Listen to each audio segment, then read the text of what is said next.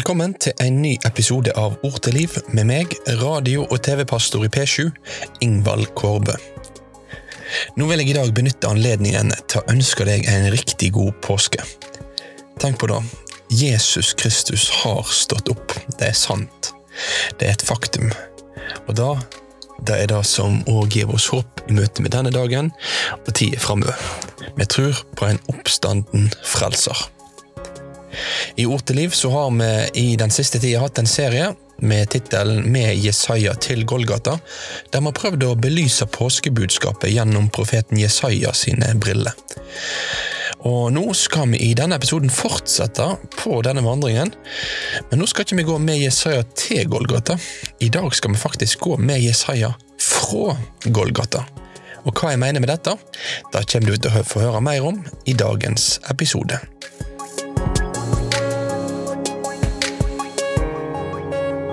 Jeg håper at du har fått tatt ei god påskehøgtid. Men eh, selv om fridagene i påskehøgtida nå er ferdig, så er det ikke sånn at påskens budskap er noe som vi er ferdig med helt ennå. Nei, tvert imot. Faktisk så er det jo sånn i kirkeåret at det er nå vi har gått inn i den tida som ble kalt for påsketida. Vi har ikke gått ut av den tida. Og nå er det påsketid, hele veien fram mot pinse. Og dette gir oss også en spesiell mulighet til å kunne dvele ved og tenke over det som har å gjøre med påskens budskap. Vi har jo i Ord til liv hatt denne påskeserien knytta til profeten Jesaja, der jeg har prøvd å vise hvordan hans historie og hans profetier er det bakteppet som de nytestamentlige forfatterne maler Jesus-historien på. Og I det forrige programmet av Ord til liv så kom jeg til den teksten som står i Jesaja kapittel 52 og vers 13 til kapittel 53 og vers 12. Og Det er en tekst som handler om hvordan Herrens kommende tjener skulle gi sitt liv i staden for brotsmenn, hvordan han skulle bære våre synder og vår skyld, og at han skulle gi oss sin fred.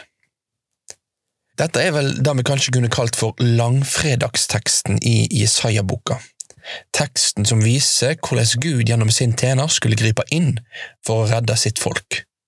Og vi tror jo da at Gud har grepet inn med sin redning i Jesus Kristus og Jesu Kristi stedfortredende død, som òg frigjør.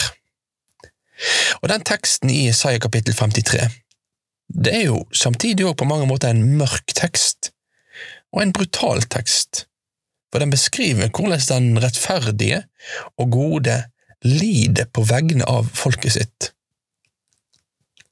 Men hele innpakningen av denne teksten, denne teksten som jo er preget av fornedring, spott og sår, det er en innpakning av jubel, av glede, av framtidshåp. Og det er jo dette som er med påskebudskapet. For i påsken òg så vert lidelsen og mørket på langfredag opplyst av lyset fra den tomme grava på første påskedag. Ved sin lidelse og død så har Jesus seier blitt vunnet. Da har synder blitt sona. Og når da Jesus står opp første påskedag, så vert dette den synlige åpenbaringen av det faktumet at vår Gud er en forsona Gud. Synda er sona, skylda er betalt. Derfor blir òg lidelsen i påskehistorien innpakka i jubel, fordi i Jesus Kristus er døden oppslukt til seier. Nå skal vi i dag se på to av de versene som er innpakningen til Jesaja kapittel 53.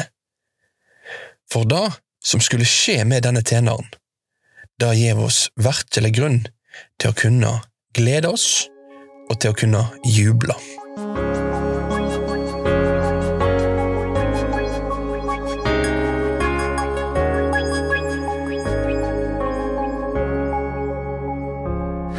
Oss nå lese de versene som står i Jesaja kapittel 52 og vers 7 til 9. Hvor vakre de er, der de springer over fjella, føttene til den som ber båd, forkynner fred, kjem med god budskap, forkynner frelse og seier til Sion. Din Gud er konge. Høyr, vaktmennene dine roper høgt, de jubler alle sammen.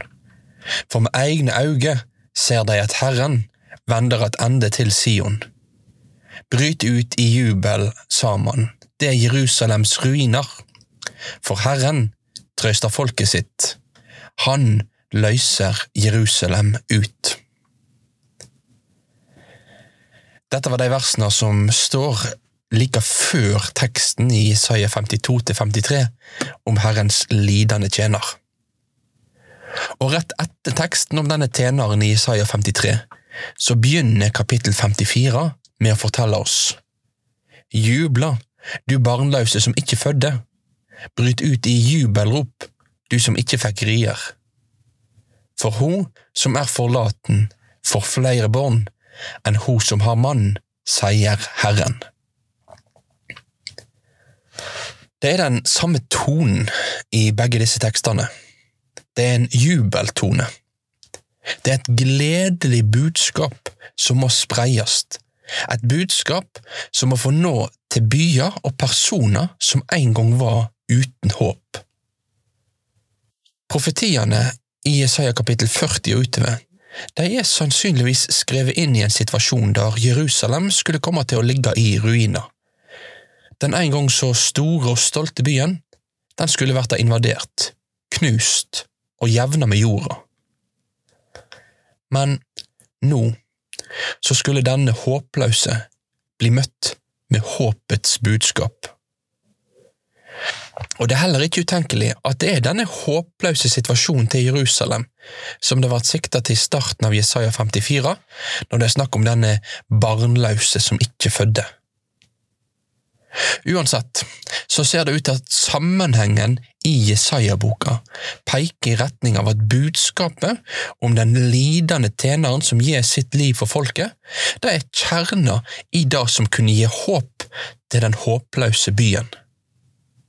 Det går en vei til den håpløse omkringliggende byen fra tjenerens stedfortredende død. Dødens budskap ble et håpets budskap fordi det var gjennom tjenerens død at Gud skulle gripe inn som konge for å fri ut sitt folk og sin by. Dette programmet har jeg, som jeg nevnte i innledningen, kalt for Med Jesaja fra Golgata. Og Den tittelen har jeg valgt fordi jeg vil prøve å sette ord på akkurat denne bevegelsen. Bevegelsen fra korset og den tomme grava og ut til verden. Det går fotsteg fra Jesu død og oppstandelse. Fotsteg som ber med seg budskapet om hva som har skjedd. På første påskedag begynte det med fotstegene til kvinner som kom til grava. Alle brikkene de falt ikke på plass med det samme, men realiteten, den var et faktum. Han som var død, han levde. Og når den oppståtte Jesus Kristus i vekene framover kom til å åpenbare seg for disiplene sine igjen og igjen, så kom han til å tydeliggjøre sitt oppdrag til dem. Oppdraget var knyttet til at fotstegene skulle få gå fra Golgata, fra den tomme grava, til Jerusalem, til Judea, til Samaria og like til jordens ende. Det går en vei til den håpløse verden, fra Jesu død og oppstandelse, de historiske begivenhetene som kan gjeve mennesket håp. Det går en vei der budbærere skal få fortelle, rope og synge om det som skjedde med Jesus, og på dette grunnlaget kunne få formidle fred og håp til mennesker i nød. Misjonsoppdraget, kallet til å gå ut, det har derfor ofte vært et oppdrag som har kunnet funnet en klangbunn i akkurat disse tekstene i innpakningen av Jesaja 53. Og nå skal jeg gi deg to eksempel på akkurat dette, ett ifra Bibelen og ett ifra misjonshistorien. Når Paulus skriver i Romerbrevet kapittel 10 om viktigheten av at noen blir utsendte som budbærere, sånn at de kan få forkynne de gode nyhetene, og at folk dermed kan komme til tru, ja, da henviser Paulus til akkurat denne teksten i Jesaja kapittel 52. Kallet til å sende ut og til det å gå og forkynne de gode nyhetene, det har vært forankra, forankra i disse jubeltekstene som innrammer beskrivelsen av tjeneren som gir sitt liv for folket. Det andre eksempelet jeg vil gi, det er henta fra misjonshistorien. For seinere i historien så har òg denne innrammingen vært grobunn for viktige misjonstekster. William Kerry han levde fra 1761 til 1834, og han blir ofte omtalt som den moderne misjonsbevegelsens far. Og for ettertida så har det vært spesielt ett sitat som har stått igjen ifra William Kerry, og det sitatet er følgende.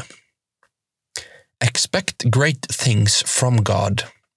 Attempt great things for God. Forvent store ting fra Gud. Forsøk store ting for Gud, kan vi oversette det med på norsk. Og dette sitatet det er nok kjent for en god del, men det vi kanskje av og til overser, det er da dette sitatet her, det er henta fra William Carey sin utlegging av Jesaja 54. Det var denne jubelen fra korset og fra grava som kalte William Carey til frimodig og dristig tjeneste for Herren. William Carey møtte motbør, men han måtte gå, og hans fotspor gikk til India. Hans vei gikk til India, og seinere kom mange andre òg til å følge i hans fotspor. Mitt spørsmål til deg i dag er I dag, og i dagene framover, hva forskjell gjør det at det er en realitet at Jesus har dødd og stått opp? La jubelen over den tomme grava og det fullkomne frelsesverket få strømme ut fra ditt liv.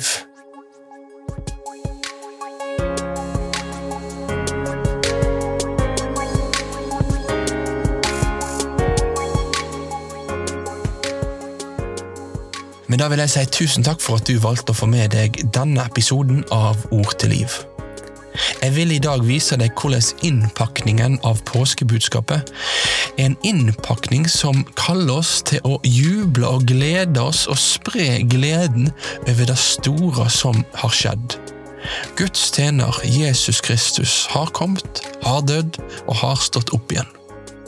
La oss lære både av Paulus og av William Carey av disse tekstene til òg i vår tid og i vår hverdag kunne få dele denne jubelen med den byen og den bygda og den verdenen som vi lever i. Ord til liv er en podkast og et radioprogram som er produsert av P7 Kristen Riksradio. Hvis du vil få med deg flere av våre ressurser, så kan du godt laste ned P7-appen. Da får du tilgang til det aller, aller meste. Inntil neste gang vil jeg ønske Herrens rik velsignelse ved deg og ditt liv. Mitt navn er Ingvald Kårbø, og jeg er radio-TV-pastor i P7.